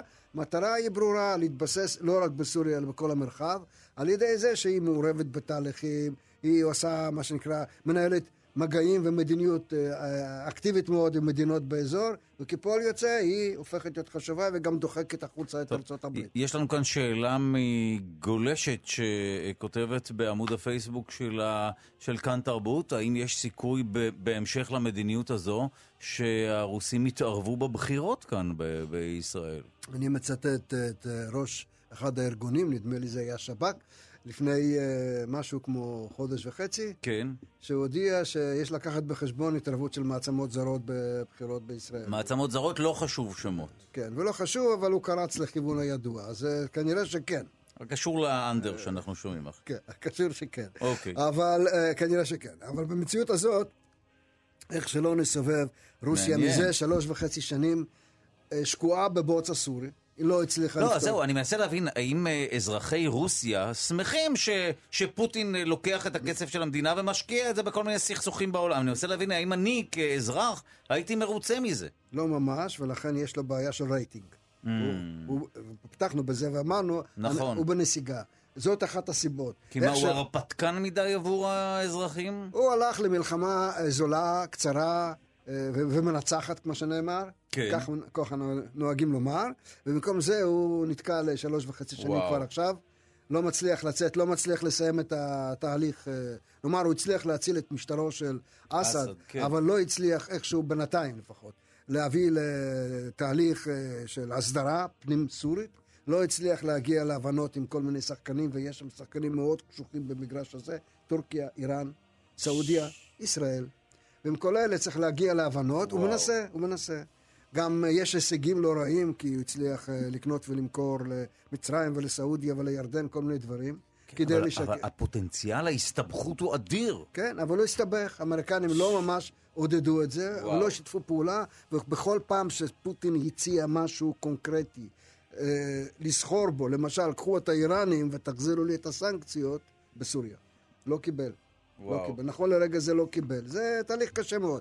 כי אמריקנים ואירופאים, כמובן, בעיקר אירופאים, דורשים uh, ויתורים במזרח אירופה, לצאת מקרים, להפסיק לאיים על השכנים, ופוטין רוצה משהו אחר. לכן יש תהליך מאוד uh, סבוך של מדיניות חוץ וביטחון רוסית, של ניסיון להתערב בכל מיני מקומות, בשיטות uh, מוגבלות, כי אין לו הרבה כוח, הוא גם בסוריה נמצא עם כוח מאוד מוגבל. ברוטו 40 כלי טיס היום, 50 בשיא המעורבות, אין צבא אחר, אין, אין כוחות יבשה, אין שום אה, נוכחות ממשית, יש כמובן יחידות סיוע ספציפיות, אבל אה, לא ממש ללחימה, ובשיטות פרוקסי האלה מקווים להיבנות במרחב, ונראה מי, מי יצליח להישאר באזור ומי פחות. והאמריקנים כמובן מתחרים בהם, ועושים הכל כדי שרוסיה לא תצא נזכרת מזה. זה סוג אחד של מלחמה. ואז, מה הנקודה המעניינת פה, במרכאות כמובן מעניינת, שכל זה מתרחש על גבולותינו. כי יש לנו עכשיו כן. מעצמה גלובלית שרוצה להיות עוד יותר חשובה, נמצאת על גבולנו הצפוני, בסוריה, במדינה שלא לא פשוטה גם מבחינתנו, ומביאה לשם גם את איראן. ולכן... טוב, אז שאלה מצ... זו נקודה מצוינת, אז מה עלינו לעשות כדי uh, לא להסתכסך איתה מצד אחד, מצד שני בכל זאת... Uh... הנה עושים, זה מה שאנחנו עושים בשנים האחרונות. כן. נכון לרגע זה, ולכן יש ups and downs כאלה, שיום... בדרך כלל אנחנו הסתדרנו יפה. רוסיה זוכרת היטב את מה שקרה בין ברית המועצות לבין ישראל בתקופה, בתקופות קודמות. היה עימות בישראל, בסופו של דבר יישרה מבט, לא מצמצה, ורוסיה יצאה מפה מורתעת כברית המועצות. אני מזכיר רק שני אירועים, כן. אה, קיץ 70, היה קרב אווירי מפורסם, עכשיו פרסמו אותו שוב, סיפורו של מוטי הוד, כן. כן. שקרב אווירי בין ישראל, בין צה"ל לבין הצבא הסובייטי דאז, עם הפלות קשות מאוד, חמש הפלות באפס דקות. אה, שהם זוכרים את זה היטב, זאת אומרת, לא כדאי להתעסק עם חיל האוויר הישראלי, והשמדת כל מערך הגנה האווירית בסוריה, לבנון, במלחמת לבנון הראשונה, שבסופו של דבר אה, הרתיע מאוד מאוד את רוסיה מהמשך, מה שנקרא, פעילות צבאית מול ישראל. כשנכנסה עכשיו לסוריה, הדבר הראשון שדאגה זה להגיע להבנות עם ישראל. כן, נכון. אני מזכיר, היו 11 פגישות של נתניהו עם פוטין סביב המלחמה הזאת. בכל פעם שפוטין קיבל החלטות או תיאם משהו עם הפרטנרים שלו בתוך סוריה, הוא התייעץ או עדכן את ראש הממשלה הישראלי, ובסופו של דבר יש הבנה, הייתה הבנה, לפחות עד לאחרונה, שישראל לא מתערבת בענייני, בענייני הענייני הפנימיים של מלחמת האזרחים הסורית. לא מפריעה לרוסים לנהל את העניינים, רוסיה לא מפריעה לישראל להילחם נגד האיום עליה בדמות איראן, ועד עכשיו זה עבד. אם כי, אני מזכיר, הפלת המטוס הרוסי הביאה למשבר, הרוסים יזמו אותו על מנת בסופו של דבר להפעיל לחצים וסחיטה מול ישראל ומול ארצות הברית. אנחנו נעצור ברשותך כאן, אה, כי אנחנו אה, אה, כבר רוצים לעבור לפרופסור כרמית לוין, מיד נמשיך. פרופסור כרמית לוין מהמחלקה לגנטיקה של האדם בבית הספר לרפואה באוניברסיטת תל אביב. בעקבות מחקר חדש. שימו לב, אימונותרפיה זהו טיפול במחלות שונות על ידי הגברה או דיכוי של המערכת החיסונית. אה, מדובר באחד הטיפולים החשובים והמשמעותיים ביותר, בין היתר במסגרת המלחמה בסרטן, לא רק, אבל חולים רבים לא מגיבים לטיפולים אה, מסיבות שאינן ידועות, והחוקרים במכון לביולוגיה של אוניברסיטת יייל הצליחו לפענח את ההרכב הגנטי של תאים סרטניים ואיך הוא משפיע על היווצרות הסרטן, על מערכת החיסון, והחוקרים יצרו פרופיל של גנים שמשפיעים על היווצרות גידולים ומצאו גן שכשהוציאו אותו מהתאים זה הוביל להיווצרות גידול הגביר את הסיכוי לדלקת ושינה את התגובה החיסונית. הממצאים פורסמו בכתב העת Cell Systems, ואנחנו רוצים שוב לומר שלום לי, פרופסור כרמית לוי מהמחלקה לגנטיקה של האדם, בית הספר לרפואה, אוניברסיטת תל אביב. שלום. טוב. טוב, אנחנו ננסה להבין באמצעותך קודם כל מה זה אימונותרפיה, מדוע לא כולם מגיבים אה, לטיפול הזה, ומה מהות המחקר הזה. בבקשה. להתחיל מהסוף? לא ידוע. ועכשיו אני אחזור להתחלה. אה, אוקיי, ספוילר, כן. כן. הסרטן, יש לו מערכת יחסים מאוד מיוחדת ומורכבת עם אה, אה, מערכת החיסון שלנו. אוקיי? מערכת החיסון שלנו מורכבת מהמון סוגים של תאים, מהמון, אה, כולנו מכירים את הדם לבנים, את הדם אדומים, יש כל מיני סוגי תאי דם לבנים וכולי וכולי. כן. אה, מערכת חיסון ספציפית, נוגדנים, אלרגיה, כל אחד מכיר את מערכת החיסון מכיוונים שונים. קיצור, בסרטן עצמו יש מערכת יחסים מורכבת עם תאי החיסון. יש תאי חיסון שהסרטן עצמו משפיע עליהם ומגייס אותם לשורותיו, והם עוזרים לו להעביר את המסרים הלאה ולייצר גרורות באזורים מרוחקים.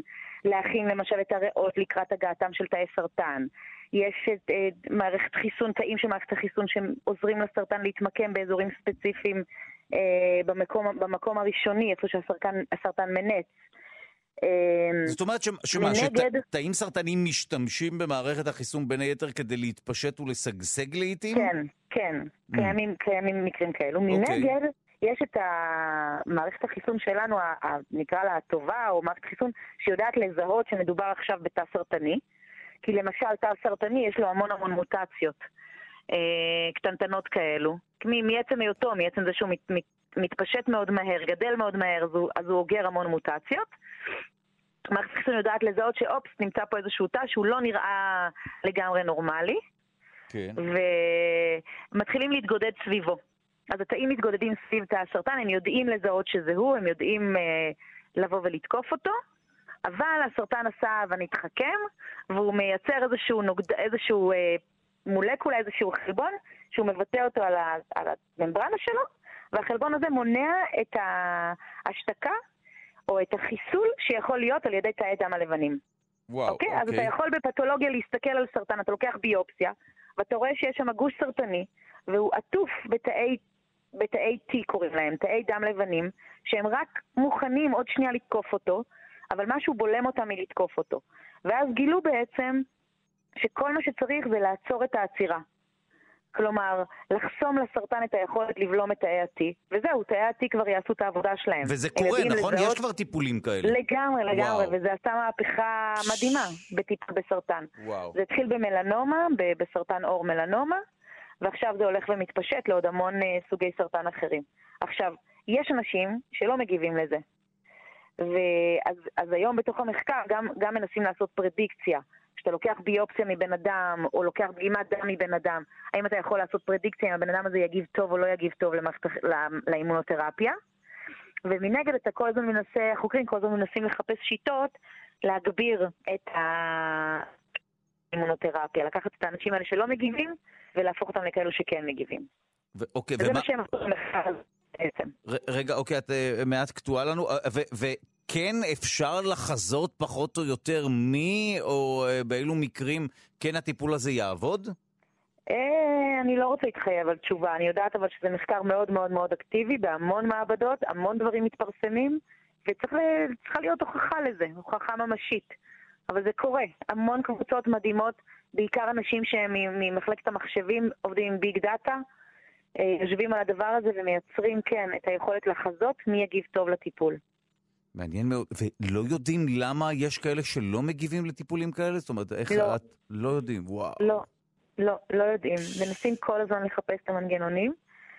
אה, זה למשל מה שהם עשו במחקר הזה.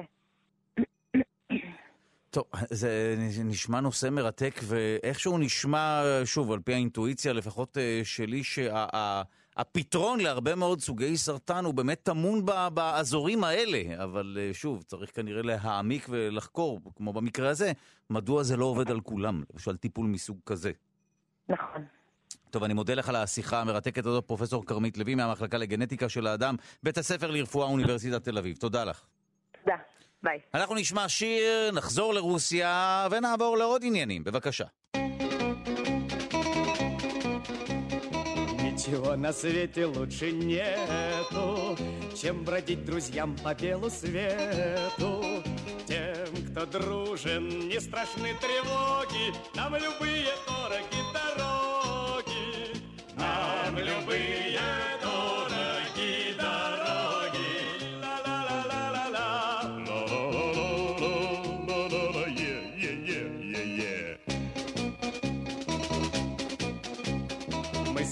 призвание не забудем,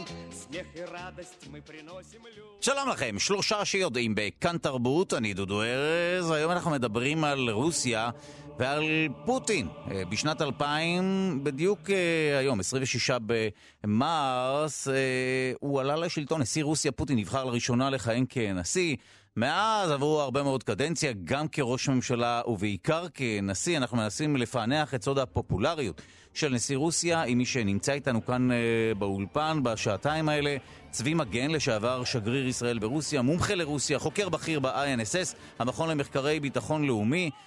טוב, אנחנו אה, אה, הבנו מה קורה, או לפחות מה הוביל את רוסיה להצטרף למשל למה שקורה בסוריה, ומה פחות או יותר היחסים איתנו, אבל בכל מה שקשור לסכסוך הספציפי הזה. מה, מה באמת טיב היחסים בין רוסיה לבין ישראל היום? מתחילת דרכה של רוסיה חדשה שוקמו היחסים שהיו במצב לא טוב עד לפני 91, כי היינו במצב של בעצם, בעצם מלחמה. סכסוך לפחות. כן. ומאז ועד לאחרונה היחסים הם תקינים לחלוטין, בהחלט התקדמנו הרבה תחומים, אני אישית השתתפתי בהנחת יסודות לתהליכים האלה, ובמישור הדו-צדדי, כלכלי, תרבותי, בכל התחומים האלה יש יחסים טובים למדי. בסופו של דבר אסור גם לשכוח שגם בישראל יש אוכלוסייה לא מועטה שיוצאת מהאזור ההוא. גם ציונות מגשימה נולדה בסופו של דבר ברוסיה. נכון. ומשם. כך שיש הרבה בסיס לנוסטלגיה. ביסודות ו... המדינה כן. שלנו, הציונות, ודאי. ולכן ערכי תרבות, ערכים פילוסופיים, הרבה מאוד דברים. אנחנו חייבים הרבה מאוד, חייבים הרבה מאוד. אני באופן אישי חייב גם למורה שלי לאקורדיון. שהיה רוסי, ודאי. אבל אנחנו כמדינה ציונית, ישראל, ודאי שחייבים חוב עצום ליהודים הרוסים. יש אורות וצללים, כי בסופו של דבר הרבה מאוד שנים ברית המועצות הייתה מעורבת באזור, תמכה במדינות אויבות שלנו, השתתפה כן. בלחימה נגדנו, כך שיש היסטוריה ארוכה ולא פשוטה. איך שלא יהיה נכון למה שנקרא עידן הנוכחי, יש בסופו של דבר יחסים תקינים נורמליים, ובהחלט אוהדים אחד את השני. עד שיש את ההתערבות במזרח התיכון, כן. שישראל מפריעה באישי דרך, ולכן יש למצוא שפה משותפת, ותיארתי אותה פחות או יותר כפי שנמצאה. קרי, אה, ישראל לא מפריעה לרוסיה, אה, רוסיה לא מציקה מדי לישראל, ונשארו הרבה שאלות פתוחות. למשל, מה יהיה עתיד, עתידה של סוריה, מה עתידה של נוכחות איראנית, מה בסופו של דבר רוסיה כן או לא עושה באזור, ובאיזה מידה מתחשבת באינטרסים של ישראל, כל זה על השולחן. ממש בתקופה הנוכחית, הדברים האלה אמורים איכשהו להתפתח, ואני מזכיר שהיה לפני כשבועיים, שבועיים וחצי, מפגש אה, של ראש ממשלת ישראל נתניהו עם אה, נשיא פוטין במוסקבה. כן. ממש בנושאים האלה. זה אחרי משבר ארוך מאוד. של שלושה חודשים שבעקבות הפלת המטוס כביכול. כן, נזכיר באמת את ה... אני הולך. כן, כן, אתה יכול להזכיר לנו כמובן את הסיפור עצמו, שכן גרם לאיזשהו בלבול, כן. או לפחות חשש, כן. ואיפה אנחנו נמצאים. ובכן, ב-17 לספטמבר, שנה קודמת כבר, הופל מטוס מודיעין רוסי על ידי נ"מ, הגנה אווירית סורית, טיל S-200 אם תרצו, וישראל לא מעורבת. אמנם במקביל הייתה התקפה ישראלית, תקיפה ישראלית של מטרות אה, בצפון סוריה, אבל אה, אחד לא קשור בשני, זה הסורים מגיבים בצורה, אותה, באותה צורה בכל פעם שיש תקיפה, יורים בכל הכיוונים כמה שיותר טילים, אולי משהו יפגע. אז הפעם פגעו במטוס רוסי שהסתובב באזור. Mm. זה פן אחד. משום מה, מישהו ברוסיה החליט לעשות מזה משבר. סיפרנו קודם שמדיניות החוץ הרוסית בנויה בין היתר על ייזום משברים. זה אחד ה... ייזום משברים, מעניין. ייזום, כן, ייזום כן. משברים. ביטוי מצחיק, כן. אנחנו יודעים היום להפנות אצבע מאשימה גם כלפי הגורם הספציפי. זה המערכת הביטחון הרוסית החליטה שהיא הולכת פה וואו. יותר ממה שהדרג המדיני מרשה. איך שלא יהיה, הוכרז שיש לנו סכסוך, כי אנחנו אשמים בהפלת המטוס. היה דין ודברים ממושך בנושא הזה. נגמר בכך שהרוסים החליטו שאנחנו אשמים, שיש משבר, מקלקלים יחסים, משגרים לפה אה, מערכות נשק פרובלמטיות כביכול לישראל, זה S-300 שהוצבו בסוריה, עוד לא הופעלו. כן. וכל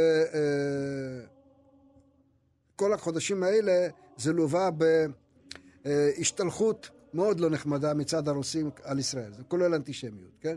בתקשורת רוסית ששיתפה פעולה באופן אה, בלתי מבוקר בנושא הזה.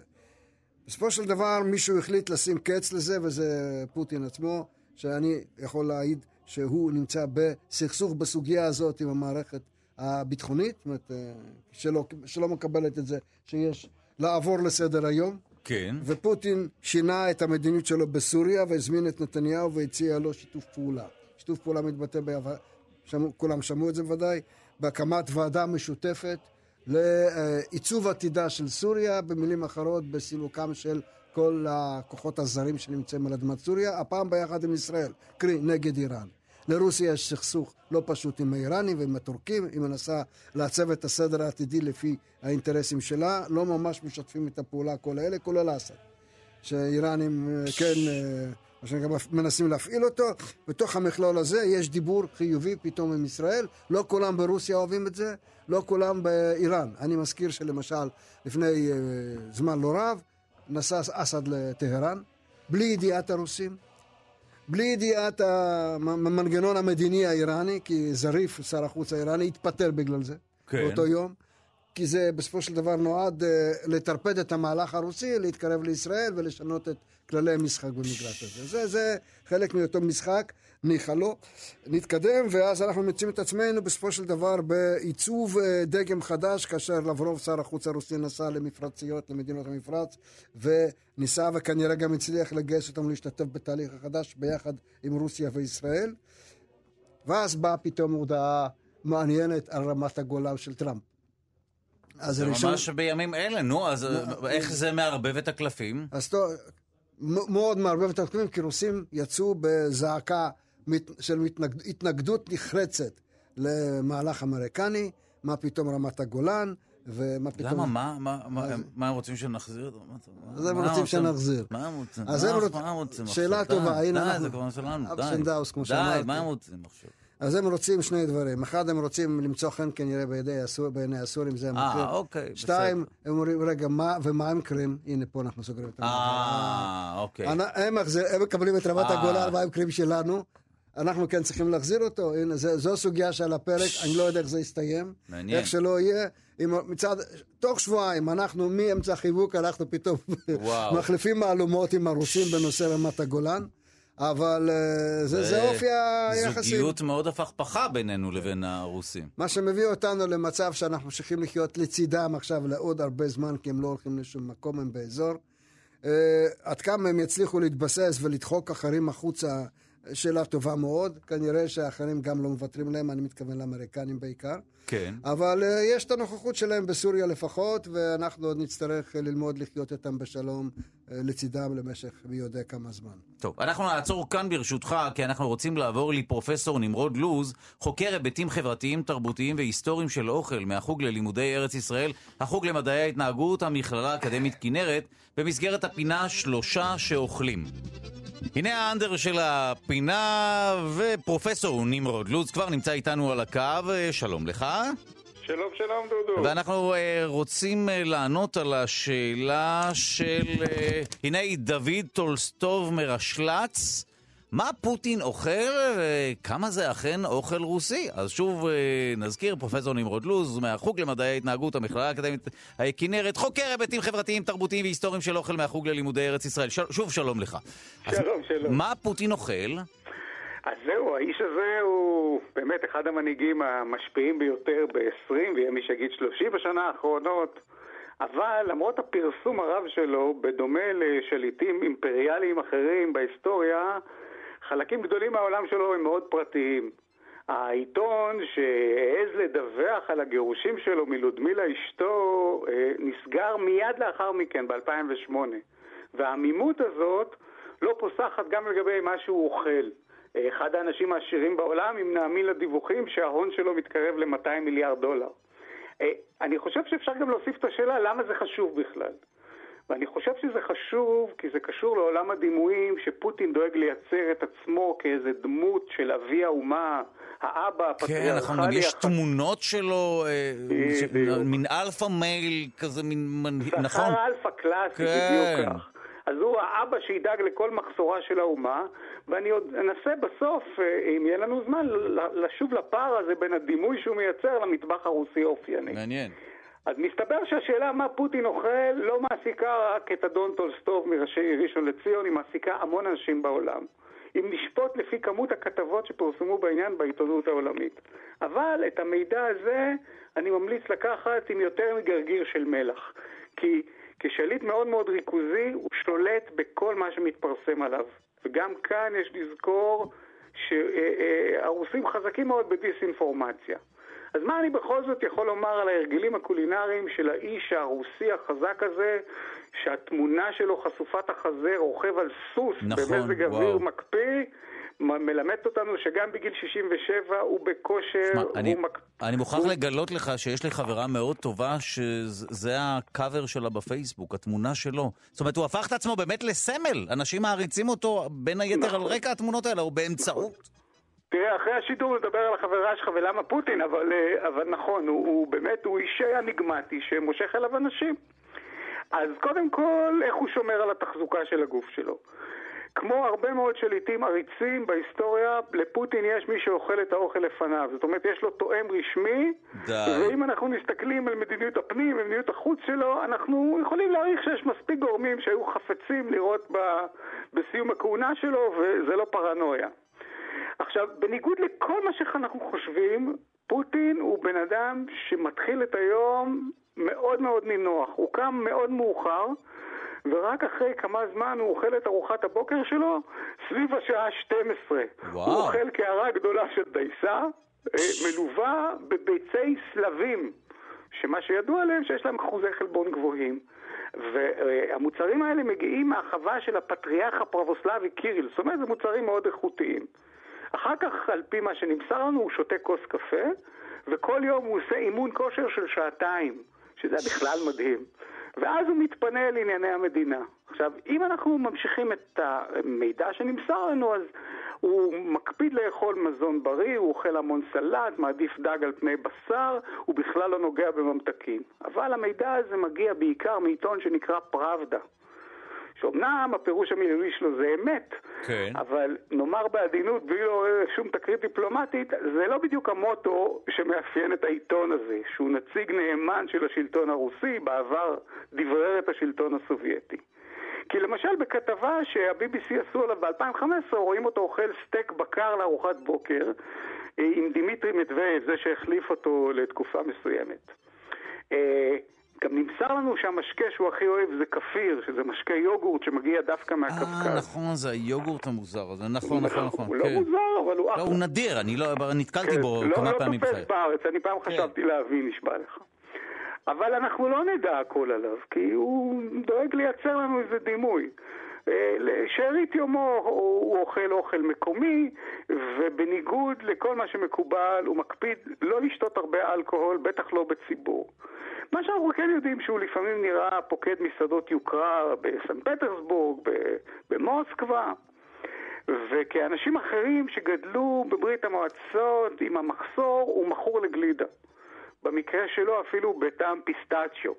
בשעתו הוא נתן לשי ג'י פינג... גלידת פיסטוק, מה יש למנהיגים ולגלידת פיסטוק? מה סוד הקסם של ה pistachio? pistachio בדיוק כך. הוא אפילו נתן לשי ג'י פינג, נשיא סין, אה, מתנה כזאת, וזה הוביל לשיגעון של גלידה רוסית ברחבי סין. האיש שולט ללא עוררין במדינה שבה הכלכלה לא בשמיים ומכתיבה תנאים די צנועים לרוב האנשים. אבל אם נשפוט לפי התפריטים שהוא קיים עם מנהיגי העולם שבאים לבקר אותו, הוא לא מתנזר גם מאוכל מאוד מאוד יוקרתי שהמטבח המסורתי הרוסי בהחלט יודע לעשות. אז, אז כמה הבחנות שאני אעשה ממה שאוכל פוטין. כן. קודם כל, אין ספק שהוא מנסה לשווק לציבור הרוסי צניעות. אה, וכמי שצריך בסופו של היום את דעת הקהל הרוסית, או לפחות איזו יראה שמייצרת לגיטימציה, אנחנו יכולים להבין מה הוא מרוויח מתדמית עממית ופופולרית. שנית, המידע אומנם קטן, אבל האיש יודע גם יודע לאכול וגם ליהנות ממטעמים אה, יוקרתיים. אני חושב שמה שמפתיע ביחס אליו, כן. זה שכמי שמבקש לייצר את עצמו כאבי האומה, הוא לא בהכרח אה, מקפיד או שומר על נראות של היצמדות למטבח המקומי. מעניין. זאת אומרת, באומה שידועה כחובבת אלכוהול, ובמאמר מוסגר, שכרות היא אחת הבעיות המרכזיות של החברה הרוסית. טוב, זה אני מבין שהוא לא אימץ את המנהג הזה. השאלה אם הוא באמת אוכל אוכל רוסי מסורתי. מעניין. האומה שנתנה לנו את הסמובר, אותו מתקן לשתיית תה, נכון. מה אנחנו יודעים עליו? שהוא שותה קפה. אז, אז אני אומר, יש פה איזה פער. עכשיו, באמת לגבי מה שהתחלת לשאול. האם יש קשר בין הטעם הקולינרי שלו, התפריט שלו, למטבח הרוסי?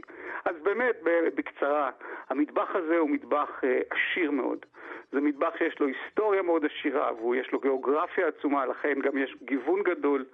המטבח הזה צריך היה לספק קלוריות כדי לעבור חורפים מאוד מאוד קרים. ואיך הם עושים את זה? משלבים פחמימות, חלבונים, המון שומן. למשל הפלמני, שזה כיסונים, שהם בצורה של אוזן, זה פירוש השם ברוסית. היו מכינים אותם בתחילת החורף. שומרים אותם אגב בחוץ, כי הטמפרטורות הן טמפרטורות של קפיאה, ואז מבשלים אותם לפני הארוחה במים רותחים כמה שצריך. זה חומר, הם עשויים מקמח, יש בהם בשר חזיר טחון, כבש, בקר, מגישים את זה עם חמאה ועם מטבל של שמנת. זאת אומרת, אתה מקבל פה באמת איזה פיצוץ קלורי מאוד מאוד גדול. יש את הבליניז, שזה סוג של פנקק. שנאכלים כל השנה, אבל במיוחד בשבוע שבא, הוא המשך של איזה חג פגאני שמציין את סוף החורף, הצורה שלהם היא כמו שמש, והתוספות שלהם אה, מבטיחות אה, שף ואושר. מרקים, המון מרקים שמכניסים הרבה חום, מי מאיתנו שגדל ככה באוכלוסייה שהגיעה משם, מרק הבורשט, שמלווה אה, בשמנת, נכון, מרק כן. אדום, בריא מאוד. אה, להיט במטבח הרוסי זה המיונז. אה, ככל הנראה בגלל הערכים הקלוריים שלו, הגבוהים מאוד, ומשתמשים בו המון בטבלון, בסלטים. גם הרוסים, יש להם מזון על, ומי שמככבת במטבח הרוסי כן. זאת הקוסמת. שאומנם סובלת מיחסי ציבור גרועים, אה, ברוסית קוראים לזה קשה. כן? לא ידעתי. אה, אוקיי, לא ידעתי שזה נחשב... נכון, יש לה אוקיי. יחסי ציבור גרועים, אבל היא מתחילה גם בקרב טבעונים וצמחוניים במערב נכון. לתפוס. כמובן אני יכול להמשיך, יש המון מנות כן, ומוצרים. זהו, אנחנו uh, נעצור כאן כמובן את רשימת המתכונים המלאה, אנחנו נפרסם בכתובית uh, במקלרפון שלנו. רק אסיים ואומר, בבקשה. רק אסיים ואומר שעוד ככה רציתי לתת משהו מהספרות הרוסית, אבל נוותר על כך, אבל רציתי לומר... שזה לא סתם שאנחנו מתעניינים בפוטין, כי, כי בסופו של יום אימפריות שורדות לא במה שיאכל השליט, אלא במה ששדרות העם הרחבות יאכלו, או לא יאכלו. כפי שהתרחש בברית המועצות בשלהי שנות ה-80, ואם הוא לא ידאג לזה, זה יהיה גם האחרית של האימפריה שלו. טוב, אנחנו נסתפק בדברים האלה. תודה רבה לך, פרופסור נמרוד לוס. תודה לך על הדברים. להתראות. להתראות.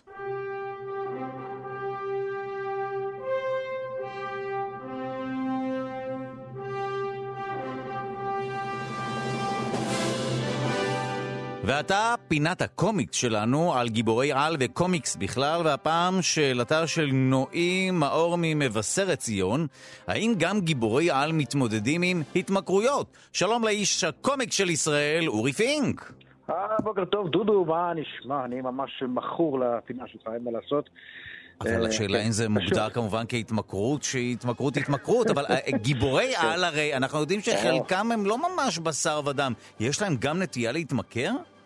אז זהו, בוא נגיד ככה, אה, הרי גיבורי העל במשך הרבה שנים היו כזה קומיקס לילדים, וזה, לא, לא התעסקו עם הדברים האלה, אבל ככל שהם התבגרו, כל ה...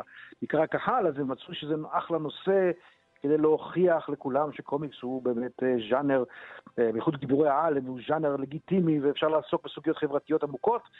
ובאמת בשנות ה-70 התחילו ככה להתעסק עם התמכרויות. אה, הכי ידוע, באמת, אה, היה ידוע מאוד, היה אה, חוברת של ספיידרמן, שאיזה חבר שלו התמכר לסמים, ואז באמת החוברת הזאת יצאה ברעש יחסית גדול, כן, כי זו הייתה פעם ראשונה שהיא לא אושרה על ידי קוד הקומיקס, כי זה היה כאילו משהו לא חינוכי, ואחרי זה היה השותף של החץ הירוק, בחור בשם ספידי, אוקיי. Okay. התמכר להרואין, והייתה, שהיה שער. אה, וואו, ממש הלכו על כן. התמכרות קשה. כן, מה זה הלכו על התמכרות? וואו.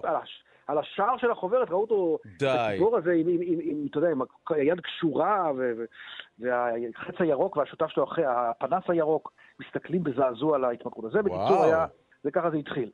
ואחרי זה בוא נגיד, היה, היה, עכשיו בוא נדבר על הדמויות היותר מוכרות, למשל, בשנות ה-80, איירון מן, ידידנו איירון מן, טוני סטארק, שאנחנו רואים אותו בקולנוע וזה, כזה בחור נחמד, התמכר לאלכוהול, התמכר לאלכוהול קשות. כן, הוא פשט את הרגל, וזה היה, יש גם כן איזה שער מפורסם שרואים אותו כזה לא מגולח, זה גם כן היה די די אבל סטרני. אפשר, אה, אה, אה, יוצרי הקומיקס ניסו להעביר גם מסרים? ברור, ברור שזה הכל היה, כן. בטח נגד וזה, למשל יש, יש בשנות ה-90, בטמן שלנו, בטמן ידידנו, בעצם היה איזה סיפור שחקר את תולדותיו, כאילו שבעברו הוא, הוא ניסה איזה סם כזה כדי לקב, להעצים את הכוחות שלו, כדי שיהיה יותר חזק ויוכל להילחם בפשע. הסם הזה קראו לו, קראו לו ונום, כן? זה היה הסם הזה, אבל בסוף יש, אה, אם אתה מכיר את הסרט בטמן השלישי, את האביר האפל, משהו, כן? אז יש שם את הדמות ביין, כן, הדמות של ביין, כן. הוא בעצם בן אדם שהלך, כן השתמש בסם הזה ש, שבטמן בסוף נגמל ממנו. והוא באמת, כל הכוחות שלו מבוססים על ההתמכרות שלו לסם הזה, כאילו בקומיקס בכל אופן, בסרט פחות. אה, וקפטן אמריקה בעצמו, בסך הכל, בוא נש... בוא... איך קפטן אמריקה קיבל את הכוחות שלו הרי? הוא הרי הוזרק לו איזשהו, אה, לא נעים להגיד, הוזרק לו איזה סם. כן, הוא, הוא בעצם גם במידה מסוימת אה, מכור ל... היה זה גם כן איזה סיפור מאוד רציני לקפטן אמריקה בשנות האלפיים, האם, שדן בסוגיה, האם קפטן אמריקה הוא בעצם אה, מכור, כן? יש, וואו, אה, אז גיבורי תרבות רבים שאנחנו מכירים, אנחנו יודעים שיש לאנשים כאלה נטייה להתמכר כנראה לעיתים לסמים, כן, גם גיבורי העל. כן, כן, ויש יש, יש מלא, האמת, אני, בטח, שכרגיל עשיתי קצת מחקר על הנושא, יש המון. אה, יש גם יותר מצחיקים, כמו למשל, לא, לא ממש מצחיקים, אבל יותר ככה, אני יודע, יש איזה דמות של שם אולטראמן, שזה מין כפיל של סופרמן, שמקבל את הכוחות שלו, שהוא מסניף קריפטונייט, שזה, אני חושב, קצת... כן, מדרון חלקלק. בכלל, כן, הסנפה זה משהו שהייתי... כן, לא כבדהו וחשדהו. כן, בדיוק, אבל אה, כן, קוקאין באמת היה, אה, בשנות ה... כן, בשנות ה-90, קוקאין היה הסם האופנתי. וואו. אז גם בקומיקס היה איזו דמות כזאת שהייתה, שהייתה בעצם מקבלת את הכוחות שלה מקוקאין, שזה היה גם כן אה, אה, ככה. זה.